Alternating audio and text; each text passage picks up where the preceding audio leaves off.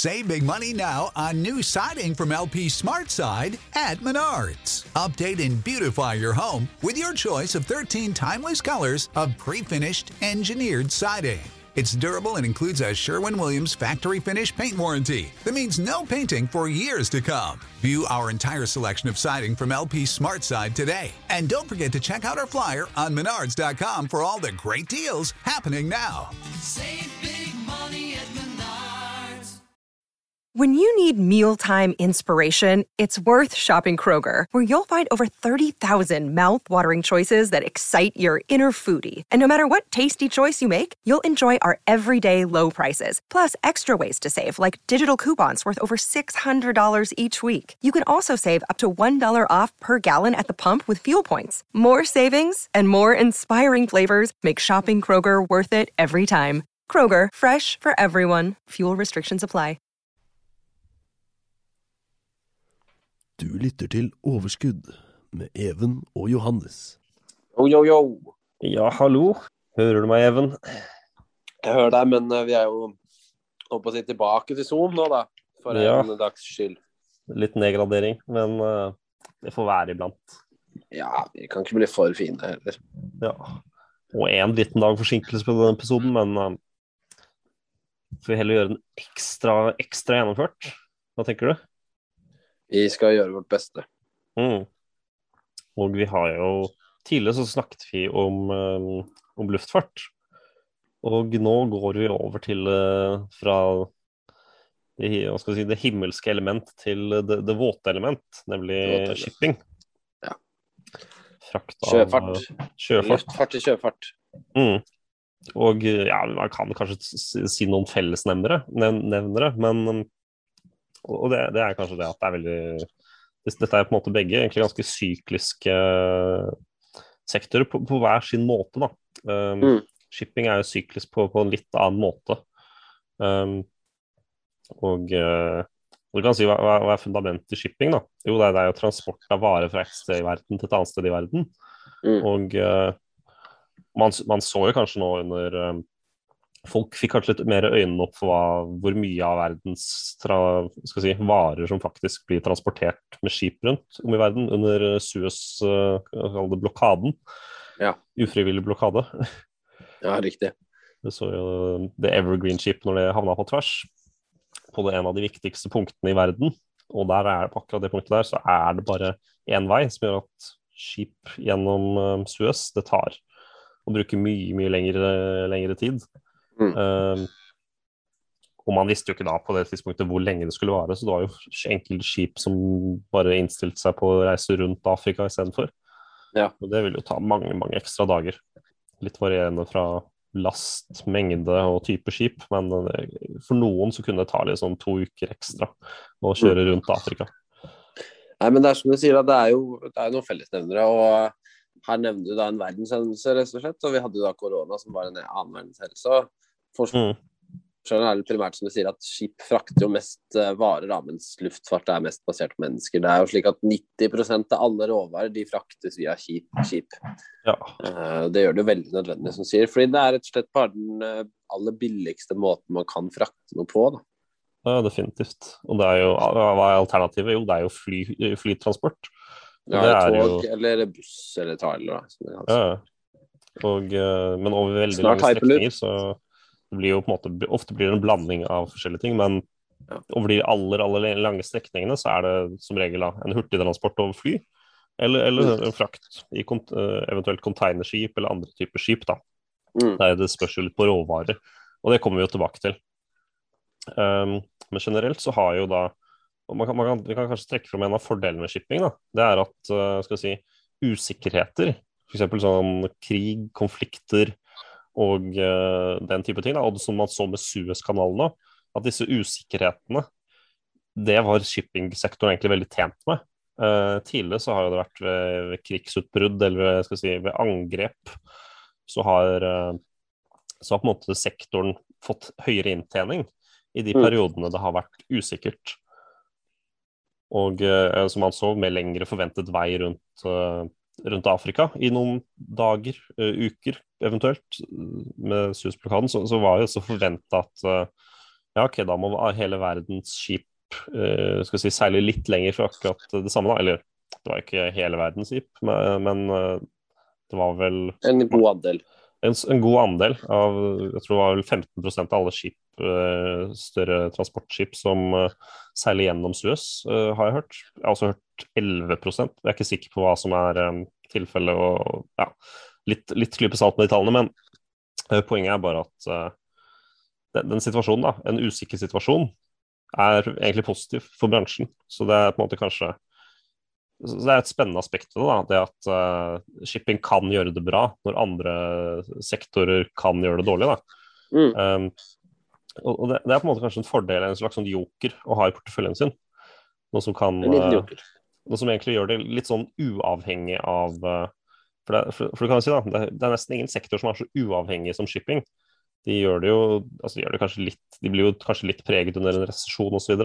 Handelsstans, men, men generelt så er shipping eh, Skal vi si Tjene på alle usikkerheter og eh, ja, hvis det er krig som er en usikkerhet, hvis det er eh, man har jo sett, man så vel tilbake på 60-tallet, da var det en periode hvor Suezkanalen var helt stengt under uh, seksdagerskrigen.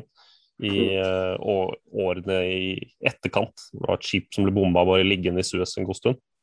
Og det var jo det var ikke like, skal si, like regulert, og shippingbransjen var ikke like det den er i dag da. Men det var også en periode hvor de kunne tjene veldig bra, bra med penger Mm. som følge av det.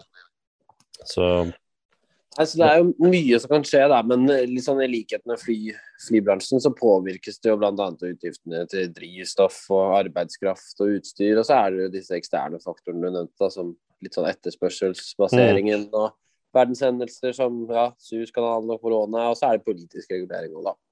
ja. Eh, Og det har Og så er det jo slik at høyere, høyere oljepris gjør det jo generelt dyre da, for disse selskapene. Ja, ja. Men også det, det blir veldig lett.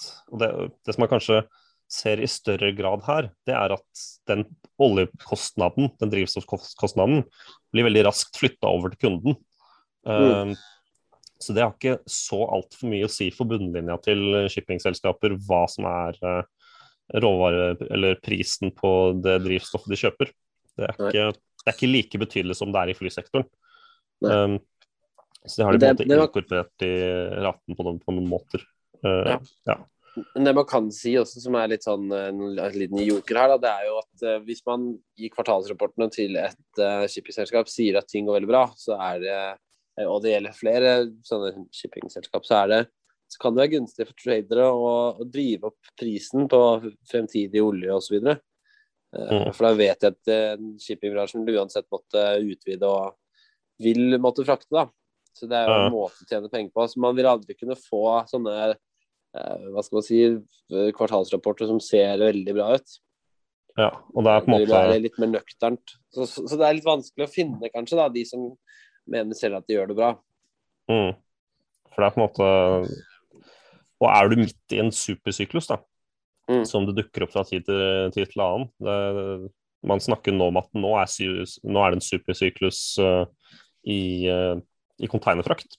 Mm. Nå har vi sett det med prisen til MPCC, uh, MPC Containers, som et selskap på Oslo Børs heter, som driver med ja, frakt av container, eh, ja, containertransport på havet. Og de, de har gått fra ja, det var vel to kroner på, under to kroner på det laveste i fjor, til i dag en pris på Og det svinger jo veldig mye, men det er vel 22-23 kroner aksjen i dag, da. Så det har vært en veldig stor oppgang. Og Det er jo fordi de går fra å tape penger fra kvartal til kvartal til å kunne plutselig tjene vanvittig med penger noen kvartaler nå. Så, så er også liksom spørsmålstegnet i den supersyklusen som man nå ser. Det er på en måte ja, hvor høyt går det, hvor, hvor mye tjener man, og hvor lenge varer det, rett og slett. Og de vurderingene, det er på en måte kanskje det som er det fundamentale med shipping. Det er ikke nødvendigvis at selskapet er Altså, ja, selskapet leverer den tjenesten, men hva er etterspørselen for den tjenesten? Kommer den til å være noe de tjener så mye på den neste, den neste tiden? Mm. Eller kommer det bare til å vare noen måneder? Kommer man til å klare å Er tilbuds... eh, Skal jeg si Er det varene som skal fraktes? Er det et, si, et kontinuerlig behov for det? Og hvor lang tid tar det før eh, Skal vi si, ja Hvis det typisk da supersykluser oppstår gjerne når det er veldig få skip tilgjengelige. Og det tar jo ofte kanskje eh, veldig lang tid fra man bestiller et skip til til det faktisk kommer. da. Kanskje Mm. to-tre års bestillingstid på, på nye skip. Så kan du selvfølgelig kjøpe gamle, men det kjøper du, så tar du jo bare fra noen andre. Mm. Så da tilfører du ikke markedet noe. Nei. Men selve den, den nybyggsraten er ofte en måte en god indikasjon på om det kanskje kan forventes å dukke opp en sy- supersyklus. Da. Mm. Hvis, det er, eh, hvis det er tilfellet sammen med at det plutselig øker, at etterspørselen øker veldig. Og det, det så man jo med containerfrakt nå. At fra på en måte at det ikke var noen ting, til at hele verden skulle begynne å, å handle øh, skal si, vanlig vare igjen. Så, og, og containerskip, der var det veldig lite som forventes å bygges. Så det er enkelt da, enkelte spår at den her skal si, supersyklusen de nå kan vare litt grann da, før disse nye større mengdene med nye skip dukker opp. Og, øh, og det- er kanskje det som er hele spørsmålet da, med MPCC. Blir, hvor, hvor lenge varer denne? Og det er, øh, og det er jo da på ja, man, man kan jo da ganske forutsigbart si så mange nye skip vil bygges i, øh, i det kvartalet i 2021. Eh, 2022 vil det være forventa at de og de er ferdigstilte. Men selve etterspørselen, den er det veldig vanskelig. Og eh, jeg gjorde, jeg gjorde det her eh, for et halvt år siden, så gjorde jeg en analyse i tørrbulkmarkedet. Mm. Vi, kan- jo gå tilbake til hva de forskjellige markedene er, da. Men uh, tørrbulk, det er jo da frakt av uh, tørre varer. Det sier kanskje seg selv, men det er på en måte, de ligger ikke i konteinere. De ligger i, skal vi si, i, ja, i åpne Last, ja, åpen last, og vanligvis da, så er dette her eh, typisk eh, som fraktes med tørrbulk. Det er jo da stålmalm. stålmalm. Eh, Mm. men, men Men det kan også være korn og Ja. diverse større Stemmer. enheter. Stemmer. Så det er ikke det. Men, men stålmalm er noe av det mer større da, innenfor tørrbulk. Og, eh, Mm. så, så analysen jeg, jeg på en måte foretok, da, det var jo OK, hva, hva er eh, status for forventet behov for frakt i framtiden? For, for det er veldig sånn uh, Stålmarkedet, der var det ja, var en ulykke i Brasil for noen år siden i, en, i en gruve til Valv, og Valv er, var en av de største produsentene i, i verden. da, Som gjorde at uh, det, det ble mindre produsert der. Og, eh, og det, det, det førte også til at råvareprisen på stål ble høyere. Men, men så ser man da på lang sikt så ser det ut som at de aller største aktørene, både i Brasil og Australia, der er de større aktørene her, um, i Kina også for så vidt, men det, det er en nyanse man kan kanskje se for seg da, med, med Kina, fordi Kina er også den største forbrukeren av, uh, av stålmalm. Og det, det har jo med å gjøre med deres infrastrukturinvesteringer osv. Um, så når Kina uh, begynner å produsere mer selv, så kan det være negativt for, eh, for selve, for selve bulkratene. Altså Baltic Dry Index, som er indik indikasjonen i bulk, eh, dry bulk og eh, tørrbulkaksjer. Og når, eh, når den som er den største forbrukeren, produserer mer internt, altså, altså da stålmalm som ikke må fraktes på samme måte, som ikke egentlig må fraktes gjennom skipet i det hele tatt, kanskje, så er det negativt. Da, er det, da blir det mindre etterspørsel etter frakt. Så mens når Brasil og Australia, som ikke er sånn veldig store forbrukere av stålmalm selv, de, alt, alt som produseres der nesten, fraktes jo bare vekk. Så er det en liten andel de eh, trenger selv. Men når det er tilfellet, da, når disse, landene, disse andre landene som er på en måte og ja, Australia, da er det frakt det, det, det går i. Der er det ofte lange distanser. Det er ikke sånn Ja, det er, det er en del dagers frakt derfra til, eh, til Hongkong, eller hvor du måtte være i Kina, eller andre steder i verden for så vidt òg. Så det er på en måte det som var Og, og, og i den situasjonen, da, så, så, samtidig med det, så så jeg også at Ørbulk, så var det så var det en situasjon der eh, det var ganske få forventede nye skip som skulle komme på markedet de neste årene. Da. Så når, eh, så når denne her, skal si, den forventede etterspørselen etter den frakten eh, øker, og, eh, og, det ser jeg så jeg ofte på, da, sånn, fordi i løpet av et år så er det liksom litt, ofte sånn faste svingninger i Baltic Dry-indeksen. Jeg anbefaler forresten alle å følge eh, Joakim Hannisdal på Twitter. For der får du ganske god oversikt over, eh, over eh, ratene og eventuelle kommentarer til endringer i ratene. Da. For du ser jo ikke Ratene er ikke på en måte sånn Altså du kan til en viss grad se på det som en, som en indekskurs, men du får bare på en måte en daglig oppdatering på det da, når eh, ratene endres.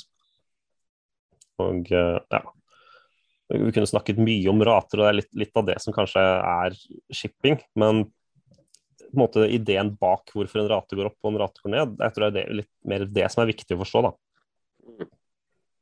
Så det er jo Men i all hovedsak da, så er jo en, god, en høy BDI det gir jo da gode utsikter, fordi det er rett og slett godt betalt. da. mm, Det er det man kan få. Mm. Uh, og da ligger det Og BDI er jo da Det er jo en indeks som ja, går på utgangspunkt av forskjellige fraktrater som er skal vi si, tegnet på forskjellige typer skip rundt om på, på, på enkelte distanser. da.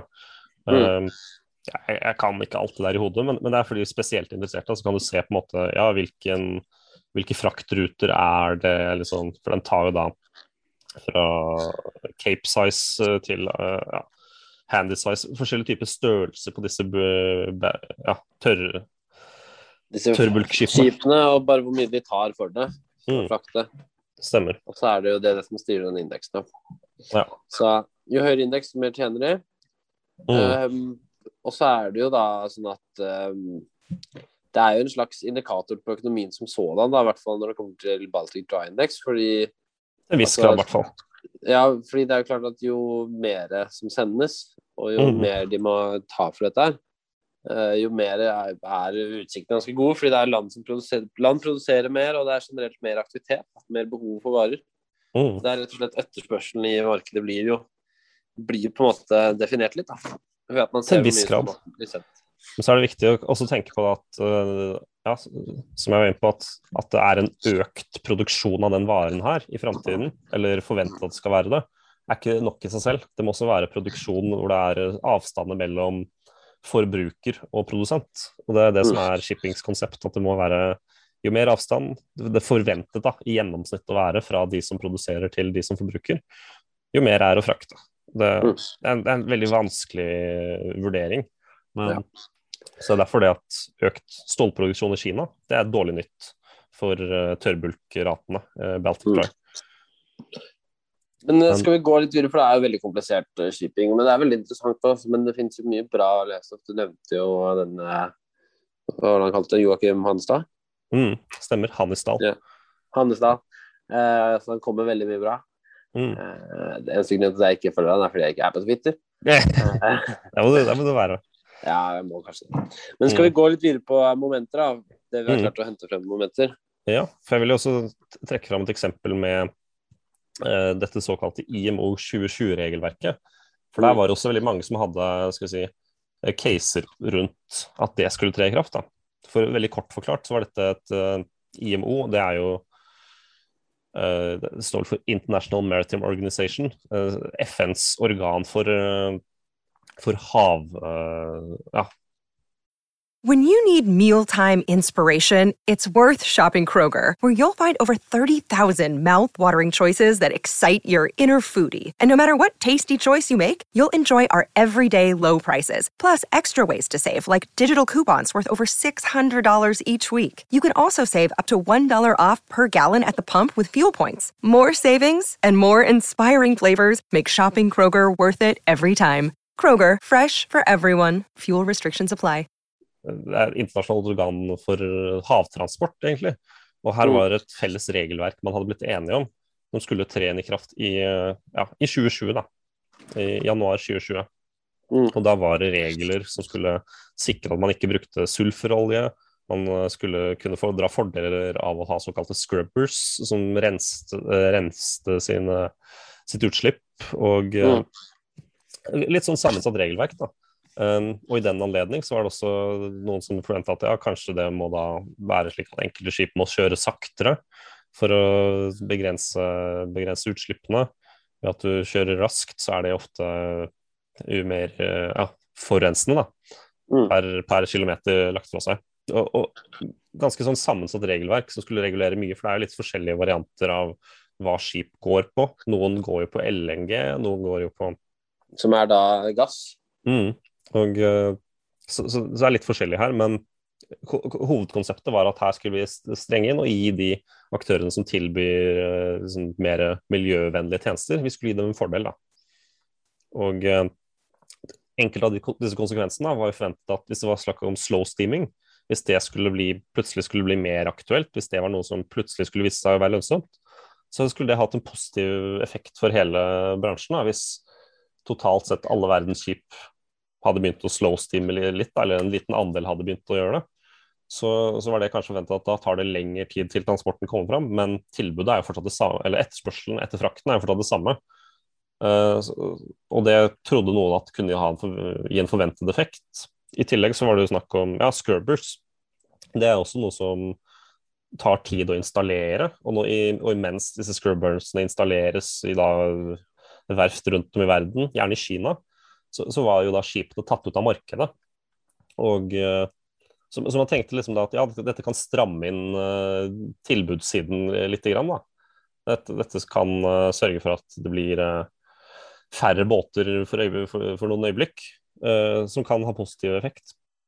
Men det så man egentlig aldri helt, fordi mye av shipping ble hardt rammet når, når, man, når etterspørselen sank ganske kraftig under, under korona. Så da fikk man kanskje aldri sett den fulle effekten av det innenfor noen uh, sektorer. Nei. Før uh, Det var snakk om man så det kanskje innenfor tank, at man så litt, så litt effekt der, men uh, det er veldig vanskelig å si. Mm. Man husker, de fleste husker jo ikke det. det jo, og de fleste husker Nei. kanskje mer at eh, tank det ble, det ble jo veldig spesielt i perioder. Mm. Det var også skal vi si, ny historie, det kommer man sikkert til å skrive om i lang tid. Men under eh, covid, så begynte jo rett i forkant og under starten av pandemien, så så, så, så man jo at OPEC de bare kjørte på og produserte, og produserte olje, selv om etterspørsel etter olje liksom var i fritt fall. da. Mm. Bare fortsatte de, de kjørte jo nærmest priskrig på olje. Og eh, vi fikk jo den, det momentet da, når olje var eh, ja, Hvor future-kontrakter kunne inngås negativt. Altså du kunne få betalt for å forplikte deg til å ta imot olje. Så det Ja, var det mange som, da var det mange som trengte skip til å fylle, til å fylle opp. Mm, ja, der var det enkelte skal vi kalle det spekulanter, da, som i stedet for å Vanligvis, vanligvis så lagres jo olje i oljelagre. Ganske, ganske rett frem, da. Men det var enkelte som fant ut at ja, vi kan jo bare bruke, bruke skal vi si, eh, bruke tankskip til å lagre mye olje.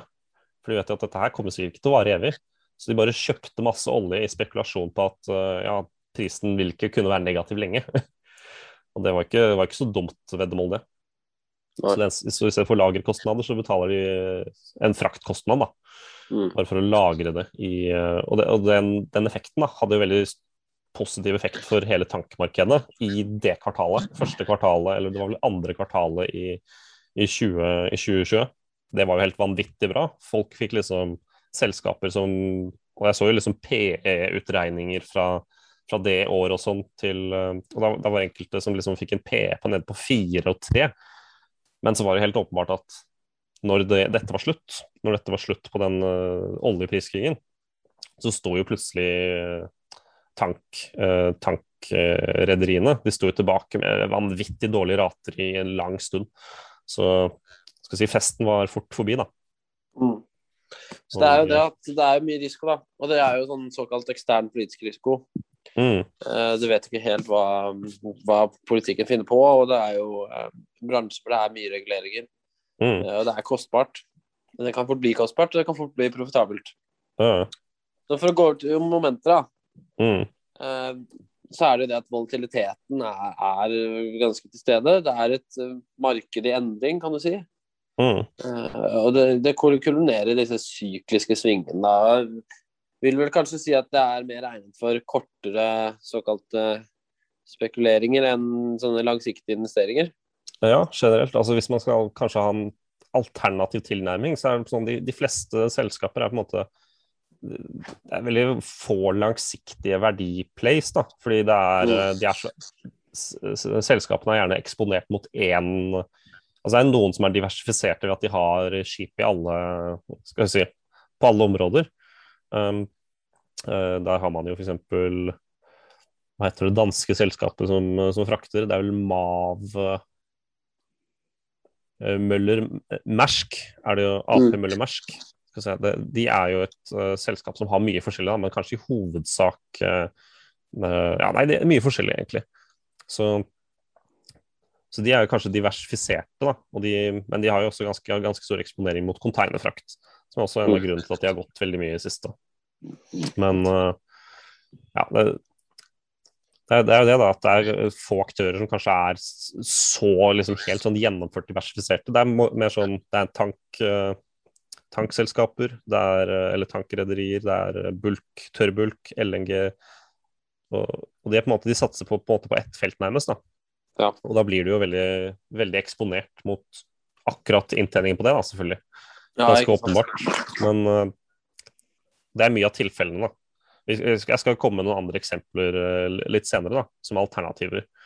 Um, men det er det som er det man må venne seg til hvis man skal eh, være og investere i shipping. Det er du kan tjene vanvittig mye et kvartal, og så kan det neste kvartal gå, gå ganske dårlig. da. Så det er og, til en viss grad så er jo det mye, mye Man kan liksom kanskje forutse litt av ratene, en forventet rate i framtiden, hvis det skal eh, hvis det forventes at den skal kunne stige litt til. For det er jo ofte forventningene til det er med på å prise, da, eh, prise aksjene i dag. da.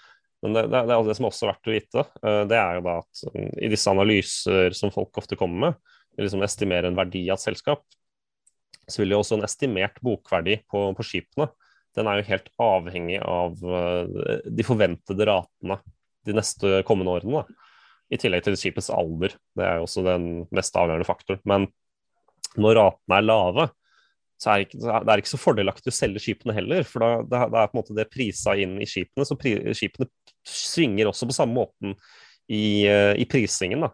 Og det, det gjør jo at selskapet i seg selv det er jo bare det er jo helt svingende på ratene, kan man si. da.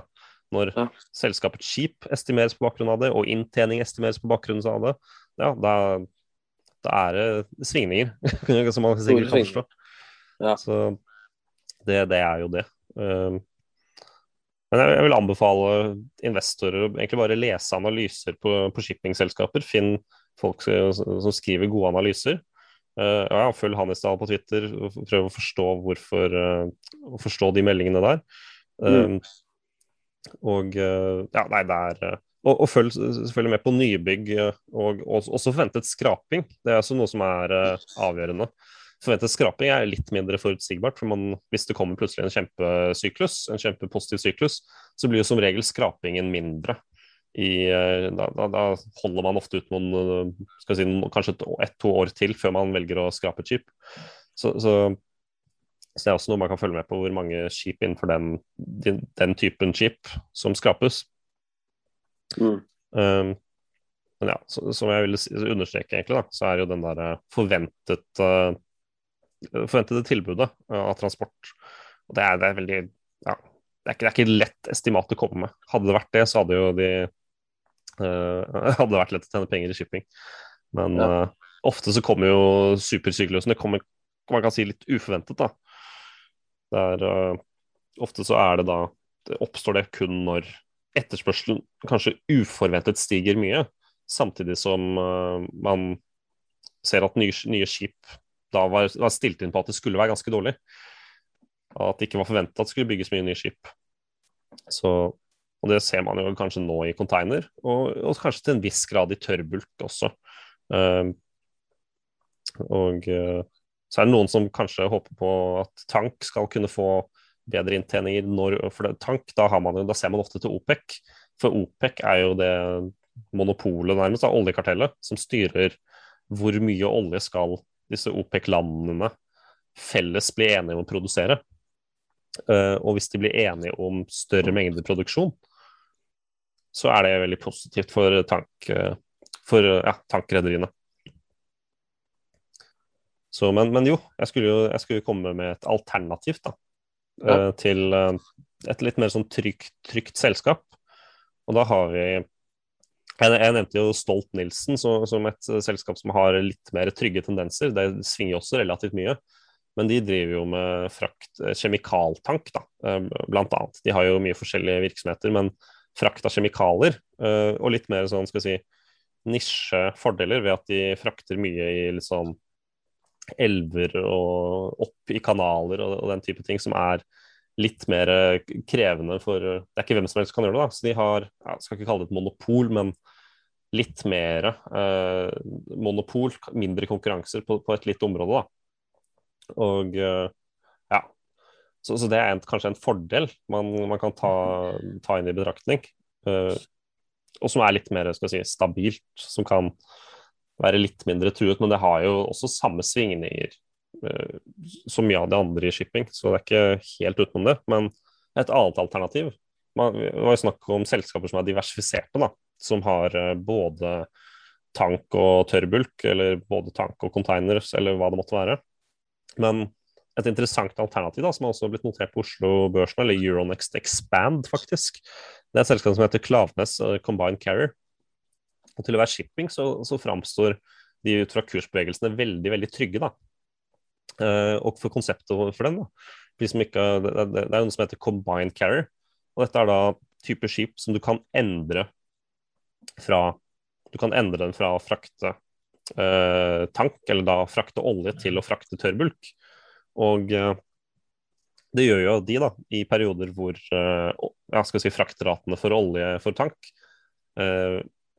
når den er veldig dårlig, så kan de vurdere å endre det til å bare frakte, frakte tørrbulk eh, stålmann. Da. Mm. Og eh, det gjør jo at de med samme skip kan bli eksponert mot to, to forskjellige, da, som de bare kan velge å vrake på bakgrunn av hva som gir best inntjening for, for øyeblikket. Og det gjør jo at uh, hvis man ser på kursutviklingen til uh, Klanes Combined Carrier, så ser jo ikke dette ut som et shippingselskap uh, sådan. For den har jo holdt seg veldig, veldig rolig i forhold til liksom, Hvis man ser på Frontline eller Hunter Group, mm. så ser man at der er det mye svingninger. Uh, så, så, det er et alternativ for den, den investor som ser, et annet, ser, etter, ser, etter, et eller annet trygt. Da. Og, uh, noe som er ja, noen som ikke er bundet til nøyaktig en råvare, men kanskje har litt flere ben å stå på? ja, ja, ikke sant. Ja. Mm. Så er det litt sånn som vi sa i flyepisoden, kanskje man skal investere i en reise med cruisebåt.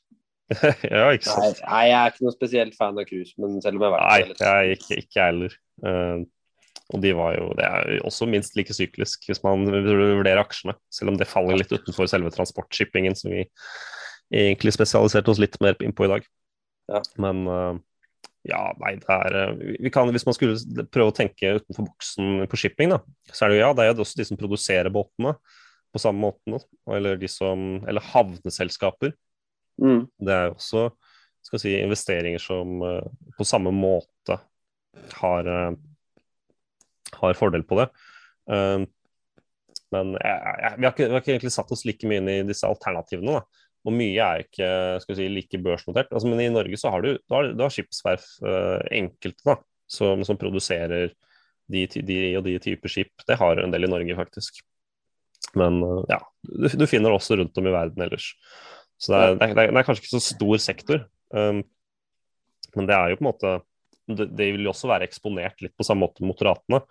For nå, som, som f.eks. containerskip, Eh, da kommer jo containerskipratene er veldig høye. Så kommer jo også etter hvert ganske mange bestillinger for liksom 2023 og, og framover. Så får man jo se da hvor, eh, hvor, mange av de som faktisk blir gjennomført. For det er jo ofte omvendt. da, I dårlige sykluser så kommer det masse avbestillinger av nye skip. Ja. Og folk prøver å komme seg ut av de kontraktene og ja, den type ting. Men skal vi, skal vi la det ligge ved det? Nå har vi, har vi prata mye, og vi har kommet med egentlig veldig mye eksempler. Men oppsummert da, så er det jo da en sektor En kompleks kanskje... sektor, som det er, det er kanskje ikke bare å vise ja. på Hvis man bare er ute etter en uh, enkel investering, så er det litt, så finnes det bedre alternativ, da. Men det, ja. det er veldig Det er mye spennende, det er veldig givende, det er en veldig god måte å liksom lære seg mye økonomi på, da. du mm. ser jo uh, Du ser et samspill da. I en mye større grad enn du ville gjort kanskje i Farma, da, f.eks. Ja, det er litt mer sånn selskapsspesifikt, så er jo shipping veldig mm. makro Det er makroøkonomi, da. Ja, det, det har ikke så mye å si. Altså, du, kan, du kan på en måte kanskje se på de selskapene som er flinkest til å utnytte hele flåten sin. da. Har en mm. høy, det som man kaller en høy utnyttelsesgrad. Det er kanskje det man kan se på selve selskapet. Men uh, i hovedsak så vil jo kursen kursen vil jo kanskje drives av at du klarer å kunne få en bedre utnyttelsesgrad, greit nok, men jeg tror det er en veldig liten da, og dette er kanskje min mening i seg selv, men jeg tror det er en veldig liten grad av utnyttelsesgrad som, som styrer aksjeprisen, og veldig, veldig mye av da makro, som du sier.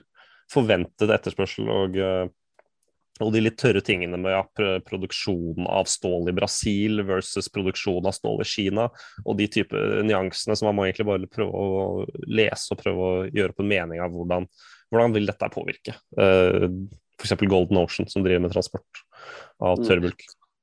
Så det er, uh, ja, det er, ikke, det er ikke en lett sektor, og det er kanskje er du ny, ny i markedet, så er ja, vær forsiktig med shipping. Det er ikke Du kan du kan tjene mye penger på, i gode perioder, og så kan du tjene veldig mm. lite i, i andre perioder, rett og slett. Så vi kan, kan vel la det være siste ordene? Det kan vi. Ja. Så, så bra. Får du ha en fin dag videre, Johannes. Ja, i like måte. Så snakkes vi. Vi gjør det. Ha det bra. Ha det. Du lyttet til Overskudd med Even og Johannes. Save big on brunch for mom, all in the Kroger app. Get 16 ounce packs of flavorful Angus 90% lean ground sirloin for $4.99 each with a digital coupon. Then buy two get two free on 12 packs of delicious Coca Cola, Pepsi, or 7UP, all with your card. Shop these deals at your local Kroger today or tap the screen now to download the Kroger app to save big today. Kroger, fresh for everyone. Prices and product availability subject to change. Restrictions apply. See site for details.